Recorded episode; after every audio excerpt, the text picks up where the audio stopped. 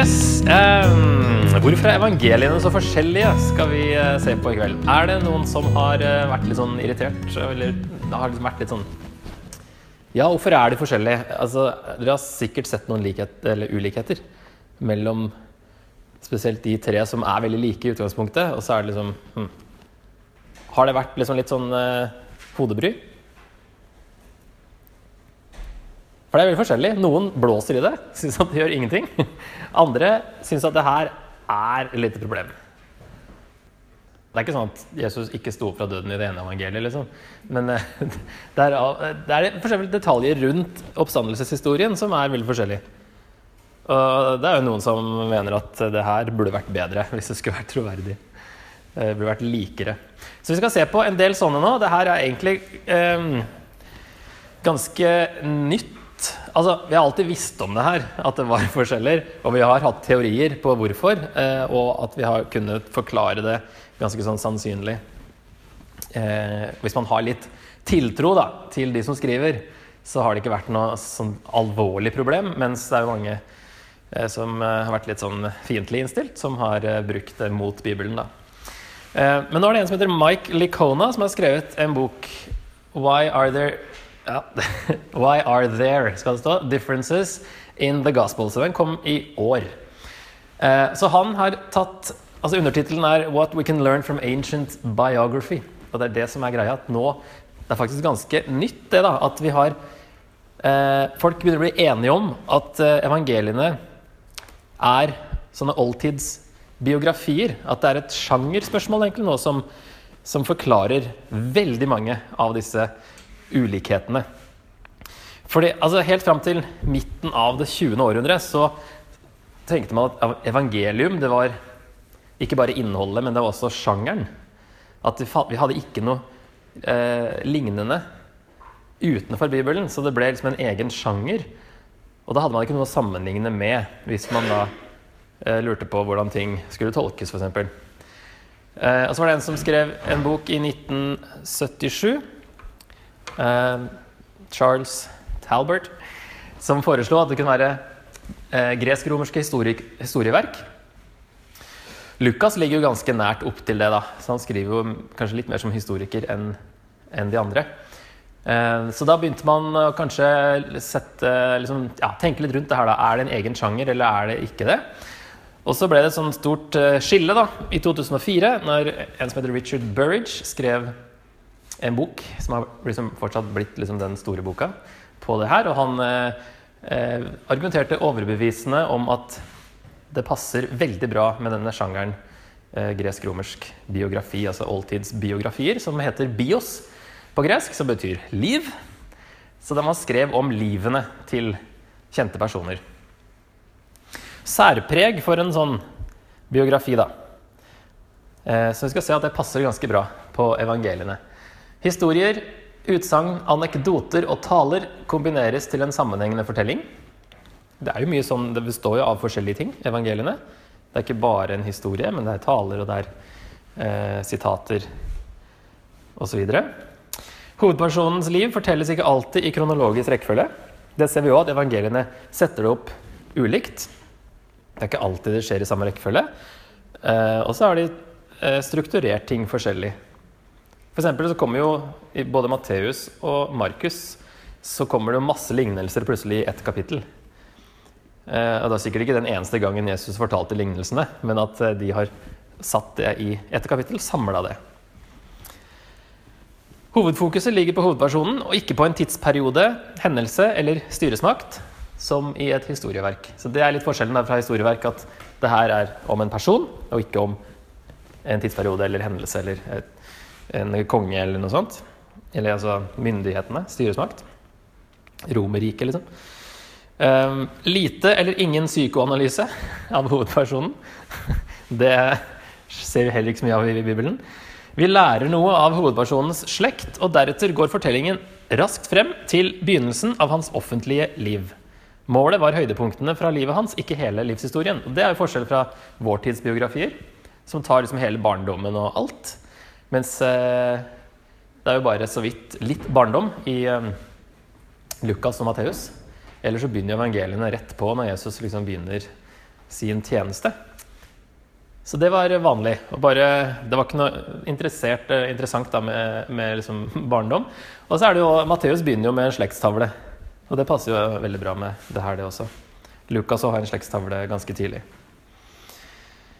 Middels lengde var 10 000 til 25 000 ord. Der passer også alle evangeliene inn i middels. Markus er 11 000, så det er nesten et, en kort biografi. Eh, de andre er eh, Johannes er 15 000, Matteus er 18 000, og Lukas er 19 000. Så det er eh, ganske sånn gjennomsnittlige i lengde. Biografier om filosofer og lærere ble vanligvis satt opp tematisk etter materialsamlinger for å vise ideene og undervisningene deres. Det er jo også litt sånn med Jesus. Og så var det alltid inkludert hvordan personen døde, fordi dette kastet lys over andre ting. Og det er jo ekstremt viktig for Jesus, da. Her eh, kaster det veldig lys bakover på det han har sagt og gjort, og hvem han var, og hvorfor han kom i det hele tatt. Poenget var at vi skulle lære, bli imponert og etterligne, eller eventuelt unngå, hvis det ikke var så godt eksempel i denne personens liv. Og da kan vi lure på hvordan vi skulle etterligne det at Jesus døde. Da. Det var liksom det han kom for å dø. Og så er liksom poenget at vi skal etterligne det. Det var det som er litt annerledes kanskje enn en sånn typisk biografi. Så han, eh, Likona han har undersøkt eh, en som heter Plutark, som dere kan ha hørt om.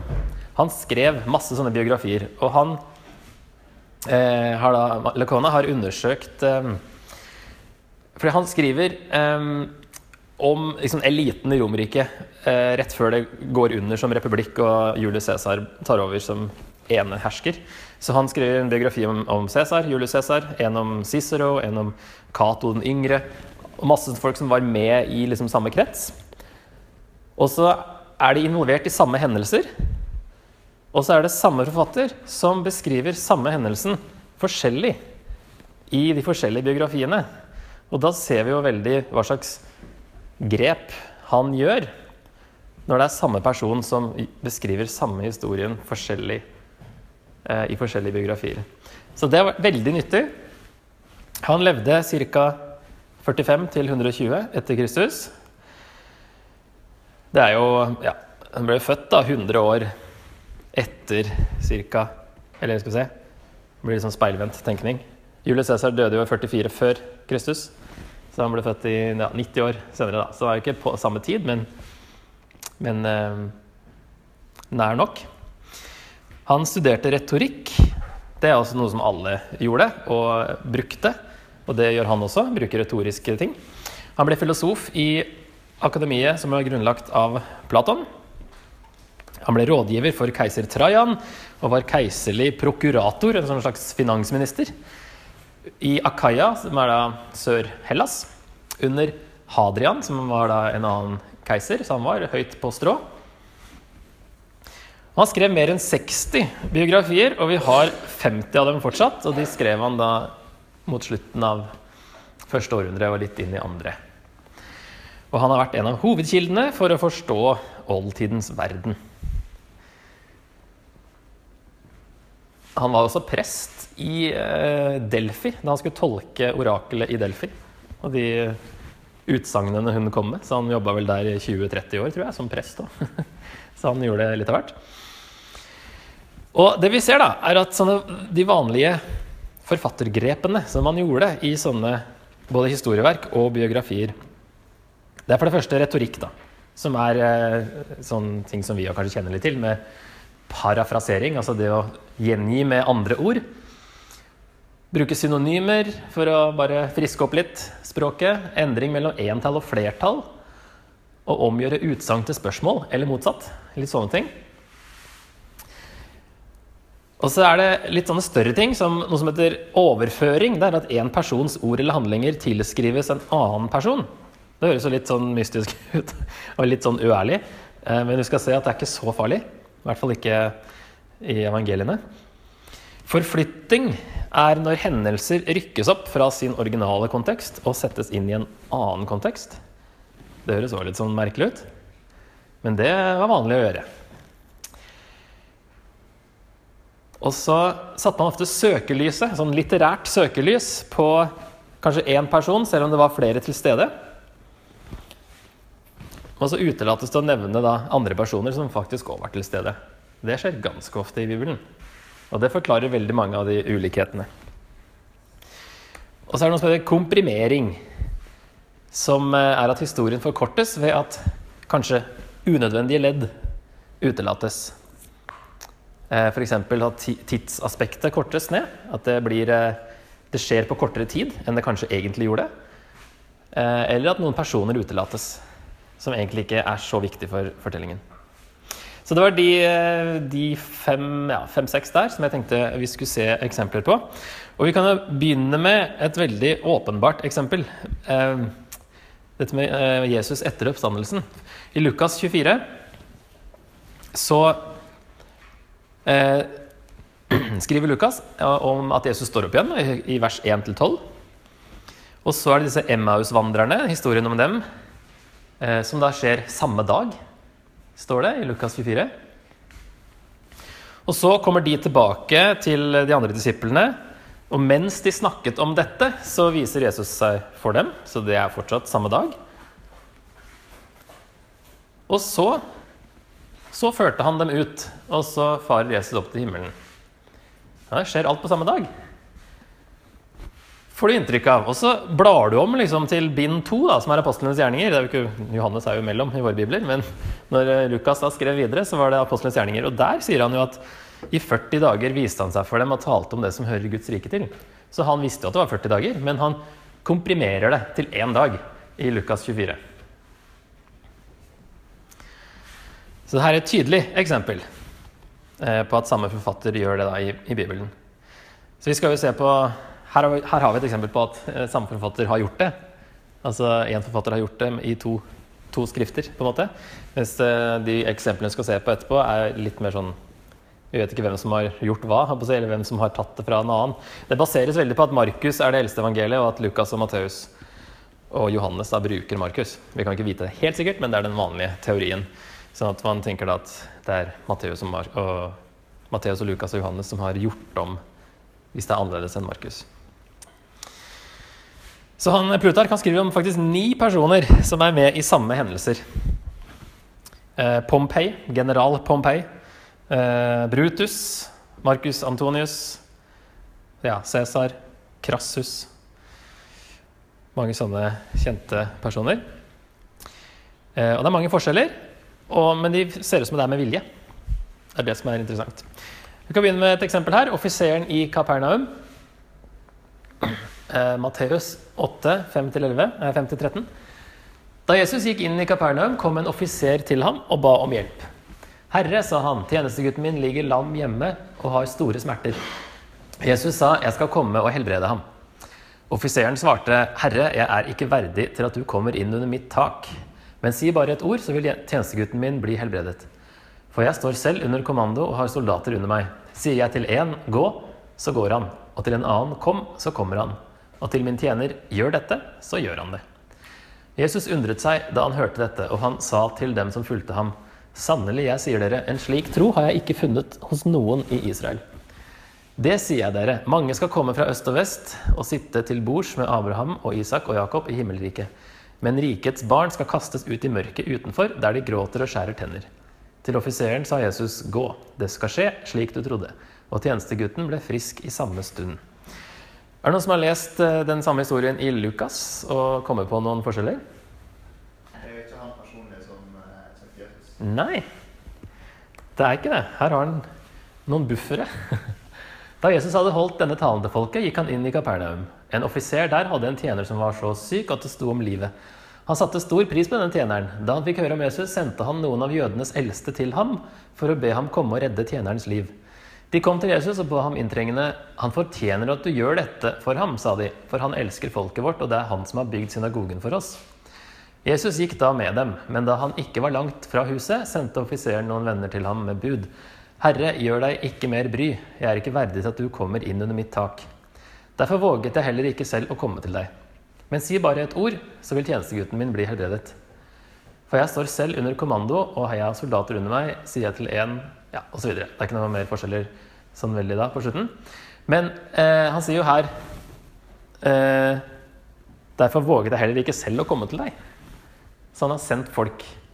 Først eh, jødenes eldste, og så sender han noen venner. Så her møter han aldri Jesus, mens i Matteus snakker de jo sammen. Så var disse jødiske eldste og vennene hans involvert, eller var de ikke? Er det feil da av Matteus å skrive at offiseren kom til Jesus, og han sa og Jesus sa, hvis de faktisk ikke snakka sammen? Plutark har et eksempel som er ganske likt det her. I Cato den yngre-biografien så skriver han om general Pompei, som da har skrevet en hyllest til ære for sin venn Plancus, som var tiltalt i retten, men fikk en annen til å lese den opp. Pompei er ikke selv til stede, dette bekreftes av andre historikere. Han sender noen for å lese opp denne eh, hyllesten, da, for å liksom hjelpe til å renvaske han som var tiltalt. I biografien om Pompei så stiller Pompei selv opp i rettssaken og leser opp denne hyllesten. Så her virker det som at opplesingen overføres fra Pompeis sendebud til Pompei selv, siden han til syvende og sist sto bak hyllesten. Det var jo han som hadde skrevet den, så det var jo som om han leste den opp sjøl, selv, selv om han fikk noen andre til å gjøre det. Så det ser ut som at, den, at, det var noen andre som leste den opp, som andre historikere også bekrefter. Men uh, Plutark da, skriver det i den ene, så skriver den andre at, at uh, han leser den opp sjøl. Så her er det sikkert det samme. Matteus komprimerer historien ved å utelate de jødiske eldste og vennene, og overfører budskapet til offiseren sjøl. Og da er det som om de står og snakker, men det skjedde kanskje ikke akkurat sånn. Men uh, det var sånn, et sånt grep man eh, gjerne kunne gjøre.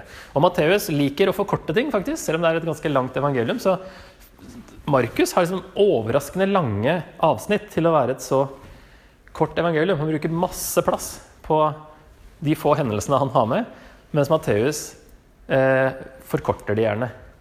Selv om det er et mye lengre evangelium. Så han har med mye flere hendelser, men de er liksom forkorta. Et lignende her er eh, i Markus eh, 10 så står det om eh, Jakob og Johannes, Sebedeus-sønnene, kom til ham og sa, 'Mester, det er noe vi vil be deg gjøre for oss.' 'Hva vil dere jeg skal gjøre for dere?' spurte han. De svarte, 'La oss få sitte ved siden av deg i din herlighet, den ene på din høyre side og den andre på din venstre.' Er det noen som husker hva som skjer i Matteus? Hvem som kommer til Jesus da?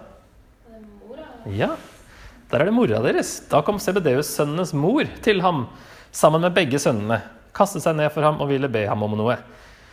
Hva er det du ønsker? spurte han. Hun svarte, si at disse to sønnene mine skal få sitte ved siden av deg i ditt rike, den ene på høyre og den andre, andre på venstre side. Så her, hvis Markus var først, så er det kanskje mest sannsynlig at eh, Nei, motsatt, faktisk, her. At her er det Markus som har komprimert det, overført det og utelatt mora. Siden det egentlig er som om de kommer sjøl, sånn som vi så i stad på samme eksempel. Um, mens Matteus kanskje har beholdt uh, sånn det opprinnelig var. Kanskje mer sannsynlig enn at Matteus har funnet på at mora var der. for en eller annen grunn. Det er liksom mer sannsynlig at de har bare hoppa utelatt det. For det, er ikke så viktig. Den spedalske mannen i Markus 1 og Matteus 8 eh, Her har det med kronologien å gjøre. Her helbreder Jesus Peters svigermor og så står det da det ble kveld og solen var gått ned, og så tidlig neste morgen, og så la oss gå av sted. Og så dro han gjennom hele Galilea. En mann som var spedalsk, kom til ham. Og så noen dager senere kom Jesus igjen til Kapernaum. Så her er det tydelig kronologi med at Jesus helbreder først Peters svigermor, og så etterpå denne spedalske mannen. Det er ganske sånn konkret kronologi. Av og til så er det sånn eh, En av de dagene han var der, så skjedde det. Altså ikke sånn veldig eh, nøyaktig kronologi, men her er det faktisk nøyaktig kronologi. at sånn var rekkefølgen. Og så har vi Matteus, som også er nøyaktig, men som har en annen kronologi. Jesus reiser rundt i Galilea kapittel 4, slutten av kapittel 4. Så kommer bergprekenen, kapittel 5, 6 og 7. Og så står det i begynnelsen av kapittel 8.: Så gikk Jesus ned fra fjellet, og store folkemengder fulgte ham. Nå kom det en mann som var spedalsk. Og så står det da Jesus gikk inn i Kapernaum, det stemte også med Markus, så kommer den offiseren til ham, som vi leste i stad. Og så kom Jesus hjem til Peter og så at svigermoren hans lå til sengs. med feber. Så kommer den historien etter at han har helbredet den spedalske. Og begge er liksom ganske nøyaktige med når ting skjedde, kronologisk. Jeg vet ikke om de syns det er et problem, men vi kan se hva Plutark eh, har drevet med. Han skriver i eh, biografien om Cæsar at han viser sin bare hals. Altså han åpner liksom halsen sånn når han eh, Ja, for å invitere liksom hvem som helst til å drepe han. Da han oppdaget at han hadde tabbet seg ut i forbindelse med en prosesjon til hans ære, som førte til at folk ble fornærmet og gikk. Han satte ikke pris på den prosesjonen, og så skjønte han etterpå at han hadde gjort skikkelig tabbe. og så bare, ok, kill me, liksom. Eh, og det, eh, Den hendelsen er ikke med i biografien om Marcus Antonius, fordi han ikke spilte noen viktig rolle i denne hendelsen. Men når Antonius ved en senere anledning prøver å sette et diadem, en sånn krone, på hodet til Cæsar, og folket ikke jubler, så viser Cæsar halsen idet han går. Det kan hende han gjorde det to ganger. At han likte å liksom være litt dramatisk. Eh, eller så kan det være at eh, Plutark har overført den handlingen til en annen hendelse. For her å vise hvor skuffa han var. da. Mer enn at han hadde i første så var han jo innså at han hadde gjort en stor tabbe. Mens her var sånn ok, hvis ikke de vil ha meg til konge, så blåser jeg i det, liksom. Da kan jeg liksom dø. Litt sånn. Um, det er i hvert fall mulig at han har gjort det. Et annet eksempel som kanskje er litt mer overbevisende,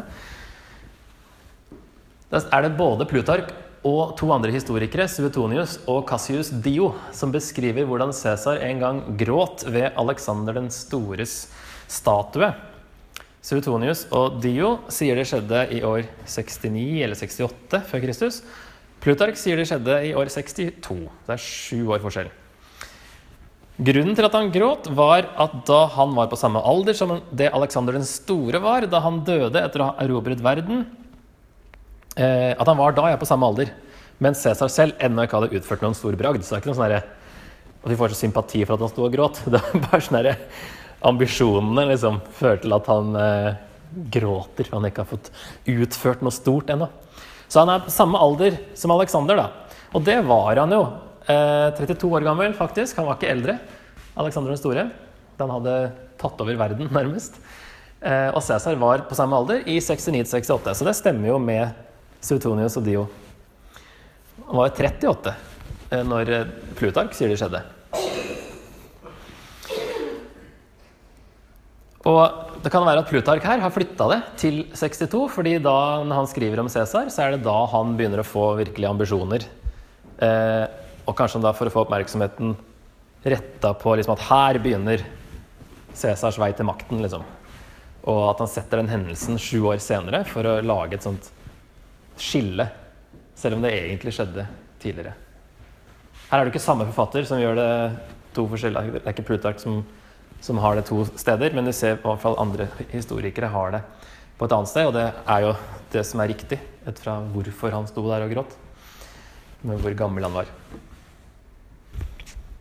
Så tilbake til eh, Matteus og Markus her, da, med den spedalske mannen.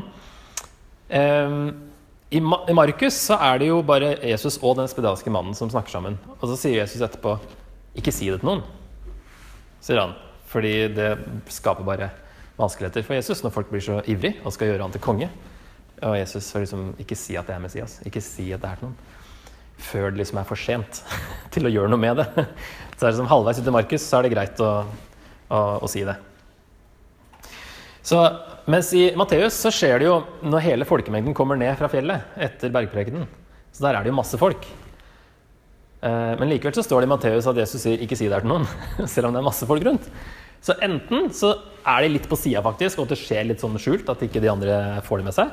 Eller så har Matteus, hvis det er han som har flytta det til senere, et senere punkt, så har han gjort det, men likevel tatt med alle detaljene fra Markus. Som da kanskje ikke passer like bra inn i Matteus. Det er det som er poenget, da. Han har liksom vært trofast sånn sett og tatt med alt. Um, men hvorfor skal han flytte på den? Det er det som er interessant, da.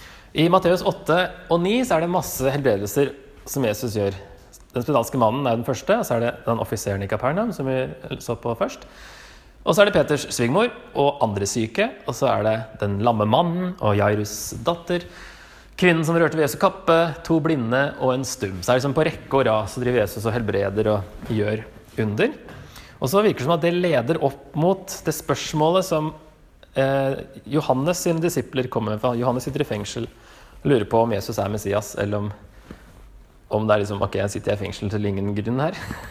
er du Messias, eller skal vi vente på en annen? sier han da foran disse disiplene sine til å gå og spørre Jesus. Og så svarer Jesus at de skal gå og fortelle til Johannes hva de ser. At blinde ser, lamme går, spedalske renses, døve hører, døde står opp. Evangeliet forkynnes for fattige. Så det kan være at Markus, eh, Matteus har flytta det hit for å få det til å liksom lede opp til det svaret som Jesus kommer med. Eh, der bl.a. spedalske renses. Eh, og som er et tydelig eksempel på Jesus, at Jesus gjorde de tegn som da, Dette er jo sitatet fra Jesaja, egentlig.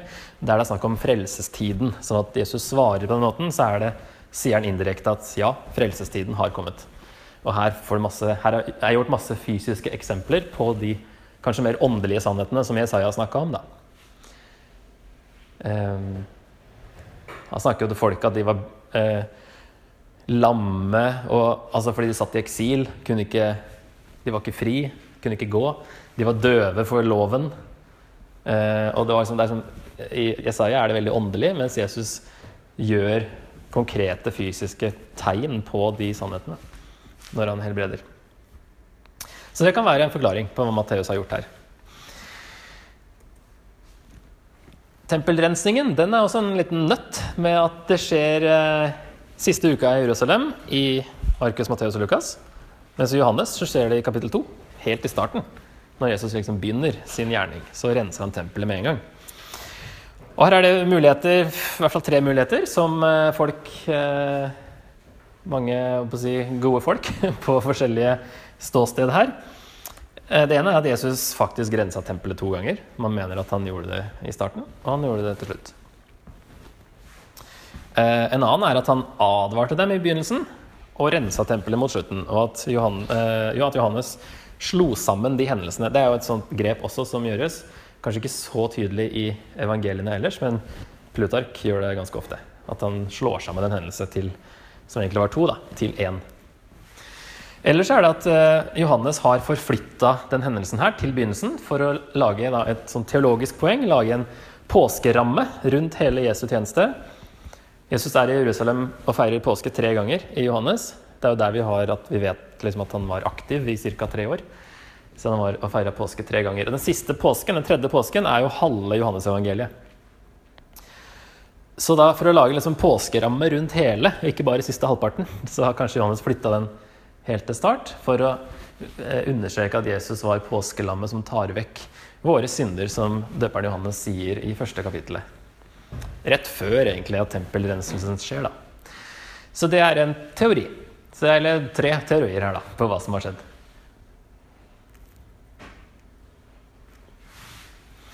Jairus sin datter, eksempel nummer fem. Jeg trenger ikke å lese alt, men vi kan se jeg har understreket det som er eh, forskjellene. I Markus så sier Jairus altså 'min datter holder på å dø'. Og så eh, Jesus, blir Jesus med ham hjem, og så står det 'mens han ennå talte'. Det er jo denne historien om hun dama med blødninger kommer jo imellom her i alle tre evangeliene. Så mens han ennå talte, kom det folk fra synagogeforstanderens hus. Og så sier de 'Din datter er død. Hvorfor bryr du mesteren lenger?' Og så når Jesus kommer fram, så sier han 'Hvorfor støyer og gråter dere?' Så vi har Vi holder på å dø. Det er, en, det er folk som kommer, og det er eh, to spørsmål. I eh, det er Lukas, det her. Så er det fortsatt hun lå for døden, men nå er det én fra synagogeforstanderens hus som kommer. Det er ikke folk. Eh, og så er det ikke et spørsmål hvorfor bryr, dere, hvorfor bryr du mesteren. Nå er det bare 'bry ikke mesteren lenger'. Og så er det ikke 'hvorfor støyer og gråter dere', men 'gråt ikke'. Så da er det ikke spørsmål, nå er det imperativer. Og så har vi den også i Matteus. Der ser du at det er mye kortere. Og der er jenta nettopp død. Plutselig. Allerede når Jairus kommer, så er hun død. Og Jesus sier 'gå ut'. Istedenfor å stille noen spørsmål eller si 'gråt ikke', så er det bare 'gå ut'. Så det er veldig kort. Men store forskjellen er at hun er allerede død. når eh, han kommer. Kan vi se hva Plutark gjorde? En eh, biografi da, om Cicero. Så er det to stykker som blir dømt. Lentulus og Cetegus. Blir dømt den 3. desember, og straffen ble utført neste dag. Ser vi i den eh, biografien. I biografien om Julius Cæsar skjer alt på samme dag. Mens eh, i Crassus-biografien så ser vi at det faktisk er tre dager. At egentlig blir straffen utført 5. desember, to dager senere. Og så er det et annet møte imellom på den 4. desember. Så her har faktisk eh, Plutark komprimert historien i både Cicero og Cæsar. Virker det som. da. Så det var egentlig tre dager, og så er det to dager igjen, og så er det én dag. Så her eh, har han eh, trøkka det sammen. Og eh, Så det kan Matteus ha gjort, ikke sant? med å, å eh, Han skulle lage det mye kortere. og Da liksom hopper han over at hun holdt på å dø, for hun dør jo et, Hun kan faktisk ha vært død på det tidspunktet når Jarius kommer, fordi hun dør jo en gang etter at han har gått hjemmefra. Og så er de på vei tilbake, og så får de høre at hun er død. Så det kan ha vært at hun var død. Så det trenger ikke å være feil, men uansett så er det jo Matteus vil korte den ned litt, så han bare Ok, hun er allerede død. Poenget kommer fram likevel. det er ikke så viktig at om det ikke var akkurat sånn da. Selv om det kan faktisk ha vært det. Og så det med at spørsmål gjøres om, det så vi på starten at det gjør Plutark eh, en del. Eh, en gang svarer Cæsar med et utsagn. Han sier Brutus kommer til å vente for dette skinnet. Altså hans eget skinn han snakker om da. At Brutus må vente på det. Jeg vet ikke helt konteksten. Men i Brutus-biografien så svarer han med et spørsmål. Eh, hva tenker dere ikke på at Brutus tenker å vente på dette kjøttet? Så har han også brukt kjøtt i stedet for skinn.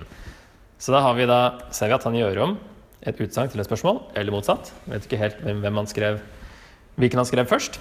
Og han bruker synonymer. Så eh, Forskjellen med folk fra synagogeforstanderens hus i Markus til én fra synagogeforstanderens hus i Lukas, det er jo denne søkelysfunksjonen.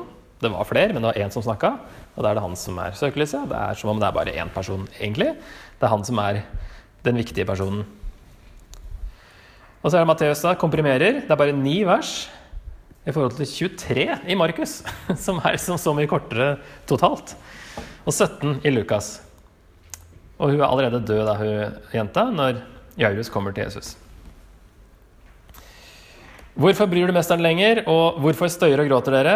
I Markus har blitt til 'bry ikke mesteren lenger' og 'gråt ikke' i Lukas. Og det har blitt til 'gå ut' i Matteus. Så her eh, Lukas endrer de to spørsmålene, hvis da Markus var først, til imperativer. Og Matteus endrer det siste spørsmålet til en imperativ med et annet verb. Der er det ikke gråt, men der er det gå. Han ber dem jo gå ut også. Så det er jo ikke Men han sier eh, er ikke sitert da, i de andre. Henger dere med? Dere skjønner tegninga? Jeg har mange flere eksempler. Eh, Dette her, fikentreet uten frukt, eh, er jo en litt spesiell historie. Der er det noe av det samme eh, som nettopp dette med tidsaspektet igjen. Markus 11, så er det ja, Neste dag da de gikk fra Betania, ble Jesus sulten. Langt borte så han et fikentre med løv, og han gikk for å se om han kanskje kunne finne noe på det. Men da han kom bort til det, fant han ikke annet enn blad, for det var ikke tiden for fikener. Da sa han til treet, aldri mer skal noen spise frukt av deg. Og disiplene hans hørte det. Og så kommer historien om at Jesus renser tempelet. Og så er det neste dag, da de tidlig om morgenen gikk forbi fikentreet, så de at det var visnet fra roten av. Peter husket Jesu ord og sa, 'Rabbi, se, fikentreet som du forbannet, er visnet.' Så der ser de det ikke før neste dag. Matteus 21. Da han tidlig neste morgen var på vei inn til byen, ble han sulten. Han fikk se et fikentre ved veien og gikk bort til det, men fant ikke annet enn blad. Da sa han til eh, treet, 'Aldri mer skal du bære frukt.' Med det samme visnet treet. Disiplene undret seg da de så det, og spurte, 'Hvordan kunne treet visne så brått?' Der er det liksom bare, ja, det skjedde med en gang. Mens i Markus er det neste dag at de ser det. Det er jo en stor forskjell. da, Og faktisk de kommenterer at det skjedde veldig fort. Så hvem som nå var først, eller hva som var opprinnelig historie, det kan vi jo ikke vite. Det er mulig at Matteus komprimerer, og da lar det skje på samme dag. Han har tempelrensningen rett før denne historien her. da. Så istedenfor å gå liksom fikentre, tempel, fikentre, som Markus gjør, så har uh, Matteus bare tempel, fikentre. Og så komprimerer han den historien istedenfor å dele den opp og ha det på begge sider. Eller så er det en sånn typisk Markus-sandwich. Det er mye sånn i Markus at man går fra én ting til en annen, så tilbake til første tingen. Og her er det fikentre, tempelrensning, fikentre. Og fikentreet representerer Israel som er uten frukt. Og Jesus forutsier tempelets ødeleggelse i kapittel 13. At de to henger sammen, at begge deler er liksom dom over Israel, som ikke har produsert den frukten som var forventa som Guds folk. Sånn at når tempelet ødelegges, som Jesus kommer til rett etterpå, så er det en dom eh, fordi frukten har uteblitt. Det er også en lignelse i Lukas eh, 13. Og lignelsen om fikentreet som ikke bar frukt. Og det, Den lignelsen kommer rett etter et utsagn når Jesus sier dersom dere ikke vender om, skal dere alle omkomme slik som de. De spør liksom om noe som har dødd, om det var Guds vilje. eller sånne ting. Så sier han nei, men hvis ikke dere omvender dere, så kommer det en dom. Og så kommer den lignelsen om fikentreet. Og så sier eh, lignelsen, lignelsen ender med um, at han vil egentlig hogge ned uh, det treet, han eier, eieren. Men så er det han gartneren tror jeg, som sier nei, nei, vi prøver litt mer. Og så sier han liksom kanskje det da vil være, eh, vil være, frukt neste gang. Hvis ikke får du hogge det ned. Så det ligger noe mer i det enn bare et tre, et helt vanlig tre som bærer frukt. Eh, eller ikke. Mens det er da mulig det er et bilde på Israel, og at det henger sammen med tempelet. At det er derfor Markus har delt det opp sånn. Så kanskje det skjedde med en gang, og at de faktisk sa Oi, åssen kunne du visst det så brått? Mens Markus har lyst til å lage litt, sånn, litt artig ut av det, og lage litt sånne paralleller og han deler det opp. Begge deler er innafor i denne sjangeren her. Mannen med den visne hånden i Markus 3, Matteus 12 og Lukas 6. Der eh, I Markus så spør Jesus fariseerne hva er tillatt på sabbaten, å gjøre godt eller å gjøre ondt, å berge liv eller å ta liv. Men de tidde, så der sier de ingenting. I Matteus er det fariseerne som spør Jesus er det tillatt å helbrede på sabbaten. Det er en stor forskjell. De sier ingenting i Markus, og det er de som starter samtalen i Matteus. I Lukas har de ingen replikker eh, der heller. Det står jo ikke at de tidde, men de sier bare ingenting. Så her virker det som at Matteus gjør om spørsmålet til Jesus for å lage en dialog, for å lage litt mer sånn dynamisk enn at bare Jesus sier det, og de tidde. Hvis det er sånn at Markus var først, da. Så det er sånn eh, også for å liksom sprite opp litt. Mannen eller to menn fra gravhulene. Det er også forskjell. Var det én eller to? Markus 5, Matteus 8 og Lukas 8. Markus og Lukas har én, Matteus har to. Matteus har også to blinde menn i Matteus 20, der Markus har kun Bartimeus, og Lukas har én blind mann. Så det er sånn forskjell. To ganger her at Matteus har to, og de andre har én. Matteus har også et esel og en fole når Jesus skal ri inn i Jerusalem, mens Markus og Lukas har en eselfole. det ser litt morsomt ut på norsk, men det er ikke sånn på gresk at de har slått sammen ordene bare. Men eh, poenget er da er det, var det én eller to.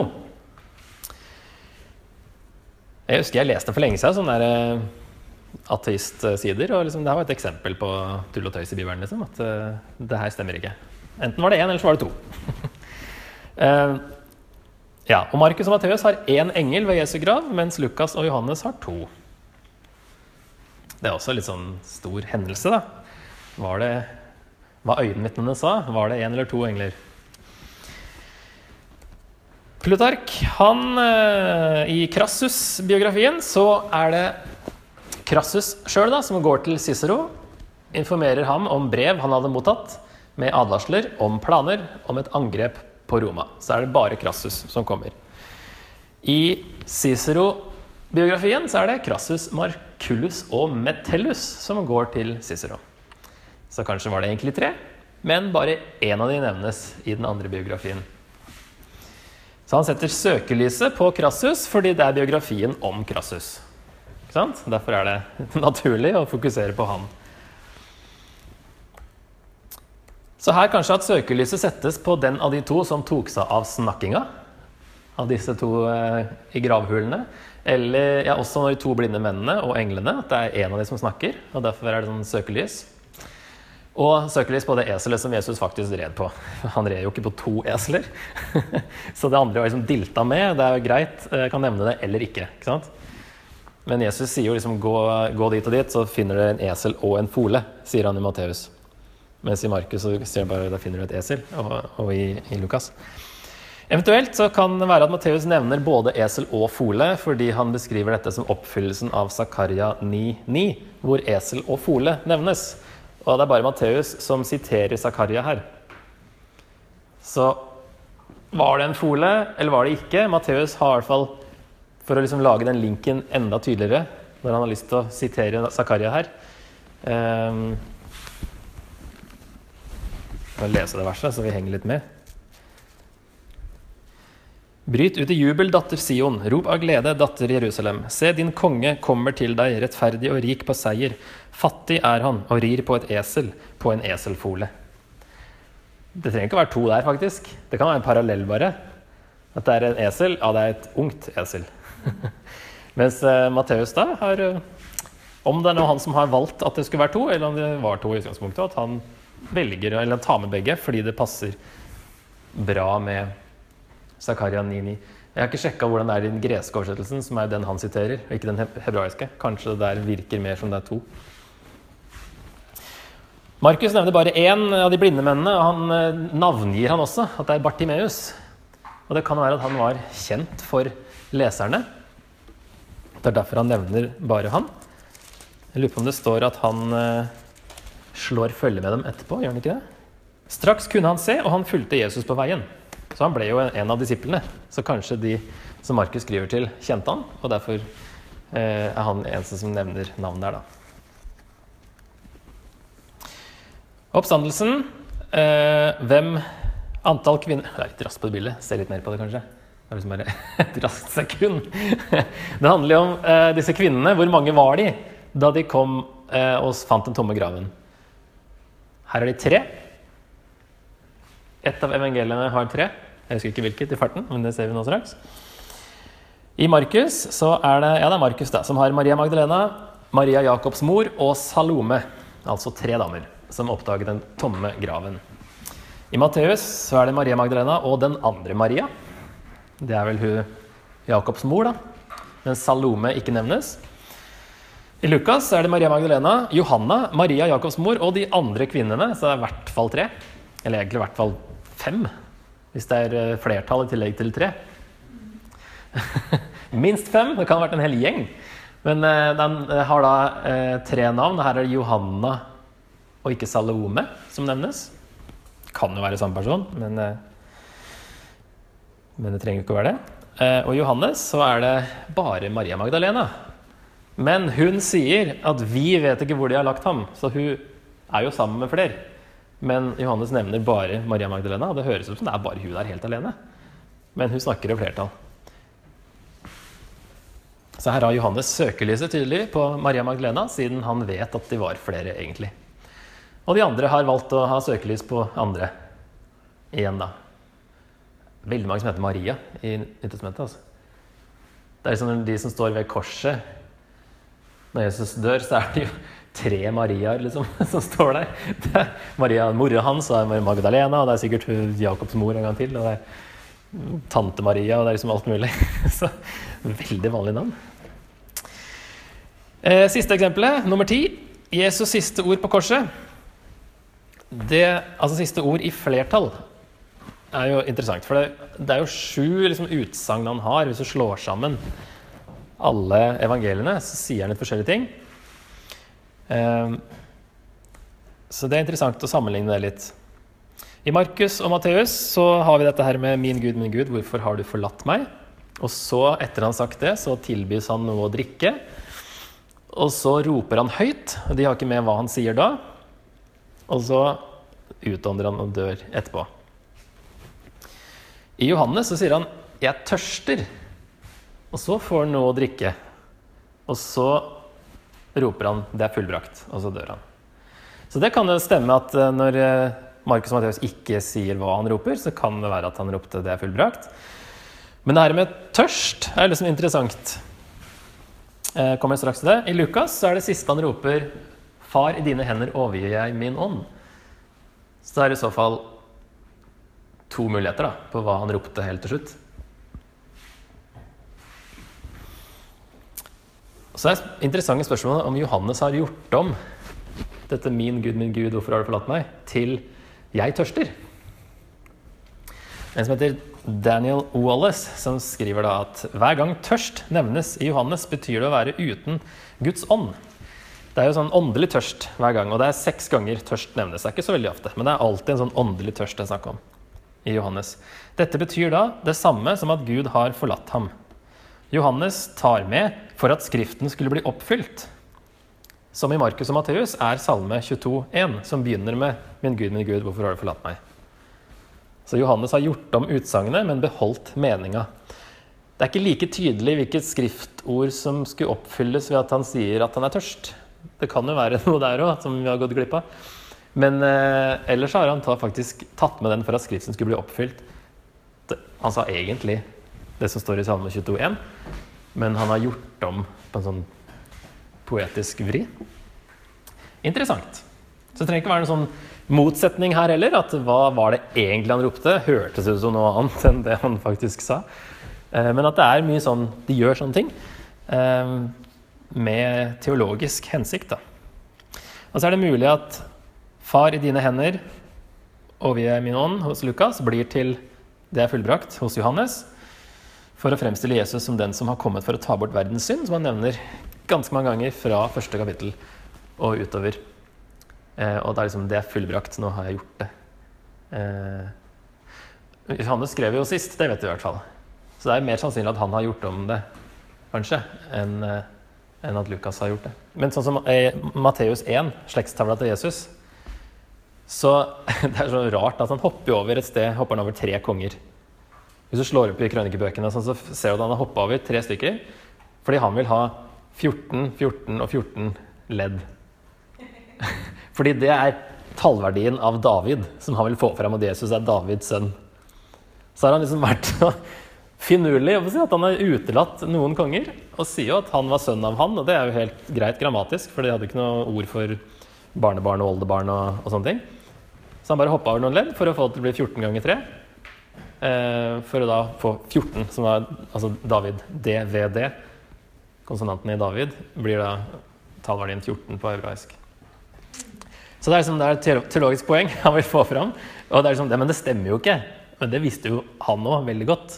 Og alle hadde jo GT, der de hadde hele lista. Men likevel så er det liksom for oss så virker det ikke som at poenget er så veldig overbevisende når han har hoppa over folk. Men eh, det var sånn man gjorde det. Så for å få fram et viktigere poeng da, enn eh, hvem som var faren til hvem av alle de kongene For oss så kan det virke litt feil. Eh, og det er jo ikke helt historisk nøyaktig. Men det kommer vi straks til nå. Det var ikke det man ville ha heller den gangen. en som heter Sallust, som var en historiker. Han gjør noe av det samme. Han eh, beskriver en trussel som en som heter Catalina eh, eh, ja, kom med en trussel i biografien til eh, altså Dette er eh, Plutark da, som skriver i Cicero-biografien at denne trusselen skjer i juli 62. Og han Sallust han har trolig flytta den til 8. november 62, altså noen måneder senere, for å få mest mulig ut av denne trusselen, for da blir det siste avskjedsordene til han Catalina liksom, for å lage en, en, god historie enda bedre, kanskje, er liksom det man tenker han har gjort. Og han anses for å være en av Romas største historikere. Som eh, Jeg husker ikke om det kan bekreftes at det skjedde i juli 62, da. Så en av de har i hvert fall satt det på feil sted. Men det var sånn Det var greit, og det var liksom De var ikke så opphengt i detaljene. Eh, for det var liksom andre poeng som var viktigere. Tacitus han er jo enda mer kjent. Han ser ut til å ha flytta en rettssak fra desember til våren før. Og en som heter Richard Meller, som skriver at antageligvis gjorde han dette for å lage en enda bedre historie. Han anså ikke den nøyaktige datoen for en hendelse viktigere for en historiker som prøver å overbringe moralsk sannhet gjennom en overbevisende fortelling. Moralsk sannhet var viktigere enn eh, nøyaktige detaljer. Og han er også ansett som en av Romas største historikere. Og så har vi en som het Askonius. Han er en sånn historiker som vi eh, er vant til. Som, eh, som eh, ja, moderne historieskriving. Hans mål var alltid å rapportere hendelser slik de faktisk hadde skjedd, og sørge for nøyaktige datoer. Han skrev under keiser Nero, altså på 60-tallet etter Kristus. Han ble ikke ansett som i nærheten av Tacitus og Sallust fordi han ikke prøvde å skrive kunstnerisk prosa som kunne bli verdsatt som litteratur i seg selv. Og Derfor fant jeg ikke noe bilde av han på nettet engang, for han er ikke noe kjent. han, var liksom, han, var, han, var veldig nøyaktig, men han ble ikke noe populær. Fordi det, var den, det var ikke den vanlige måten å skrive på. Han skulle skrive kunstnerisk. og liksom, Ja, det var liksom greit å ta seg friheter. Når det gjengir taler, så er det jo også Sjelden de var til stede når en tale ble sagt, men var liksom, kanskje du hadde et generelt innhold. Og da var det faktisk lov å liksom konstruere en tale ut fra hovedinnholdet som man hadde liksom fått overlevert. da. Og ting som det var sannsynlig at denne personen hadde sagt. Så man kunne gjerne konstruere taler, så lenge det passa med liksom det han faktisk sånn cirka sa. I Apostelens gjerninger eh, står det om Paulus at han, eh, når han etter at han har blitt eh, omvendt Så når han evangeliserer eh, Skal vi se om vi finner det. Slutten av Det oppsummeres i hvert fall bare at Jo, i Apostelens gjerninger 9, 19 eh, Han ble noen dager hos disiplene i Damaskus, hvor han straks forkynte Jesus i synagogene og sa 'Han er Guds sønn'. Det var, var det alt Paulus sa hele tida? Han er Guds sønn. Han er Guds sønn. Han er Guds sønn. Altså Det er en oppsummering av alt han forkynte i én setning. Han er Guds sønn. Eh, og eh, Peters tale i kapittel 2 på pinsedag er jo bare to minutter lang, liksom, hvis du leser den. Han sa sikkert mye mer enn det, men eh, her er liksom oppsummeringa eh, som Lukas har, har, skrevet ned. Men det var sikkert en litt lengre tale enn det, da. Eh, skulle man tro. Så, men det var sånn, det var, altså Vi har våre regler for hvordan ting skal gjøres. De hadde andre. For oss så kan det virke feil og uærlig, men for dem så var det sånn man gjorde det. Og det var, eh, det var helt greit. Og det var bra. Det var bra å skrive det på den måten. Å være liksom litt sånn Ta seg visse friheter. Og det husker jeg jeg gikk på MF, så var jeg fortsatt litt Jeg syntes det her var litt sånn slitsomt. at det var forskjeller. Og jeg husker jeg spurte Hans Kvalbein. Han er en veldig fin fyr, og han, eh, han sa det liksom jeg spurte ja, men hvorfor er det sånne forskjeller. Og så sier Gud 'dette er min sønn', eller sier han 'du er min sønn' når Jesus blir døpt. Når det stemmer fra himmelen. En av dem må jo være feil. ikke sant? Han må ha sagt det eller det. og så svarte han bare nei, de hadde tydeligvis lov til å endre litt. Så ja, egentlig, tydeligvis, så hadde de det. For de gjør det jo. Og jeg visste jo at det var jo andre regler for ting. Og de siterer eh, Markus, som åpner med et sitat fra Hos profeten Jesaja står det skrevet Se, jeg sender min budbærer foran deg. Han skal rydde veien for deg. En røst roper i ødemarken, rydd Herrens vei. Hør han sier dette. Første verset der, Se, jeg sender en budbærer foran deg, det er fra Malaki. Og så kommer det fra Jesaja. Likevel så sier han bare i profeten Jesaja står det. Og så slår han sammen to profetord og sier at Jesaja sa alt det der. Fordi Jesaja var den største profeten, og det var liksom tydeligvis greit å gjøre sånn. da. Og ta litt sånn snarveier. Istedenfor i Malaki 3.1 står det og det. I Jesaja 41 og 2 står det. De hadde for så ikke versinndeling, men, men det er sånne ting. Altså, når vi kommer med våre regler og sier at de tar feil, så blir det feil. Altså, De hadde tydeligvis lov til å gjøre ting som vi ikke syns er greit nå. Så hvorfor er evangeliene så forskjellige? For å oppsummere det, så er det fordi de er bra skrevet. Derfor er de forskjellige. Det er bra litteratur. De valgte denne sjangeren så de skulle bli lest og verdsatt. Og så er det, De er forskjellige fordi evangelistene presenterer hvert sitt bilde av Jesus. Det er forskjellig, altså I Matteus er han jødenes konge. I Markus er han den lidende tjener.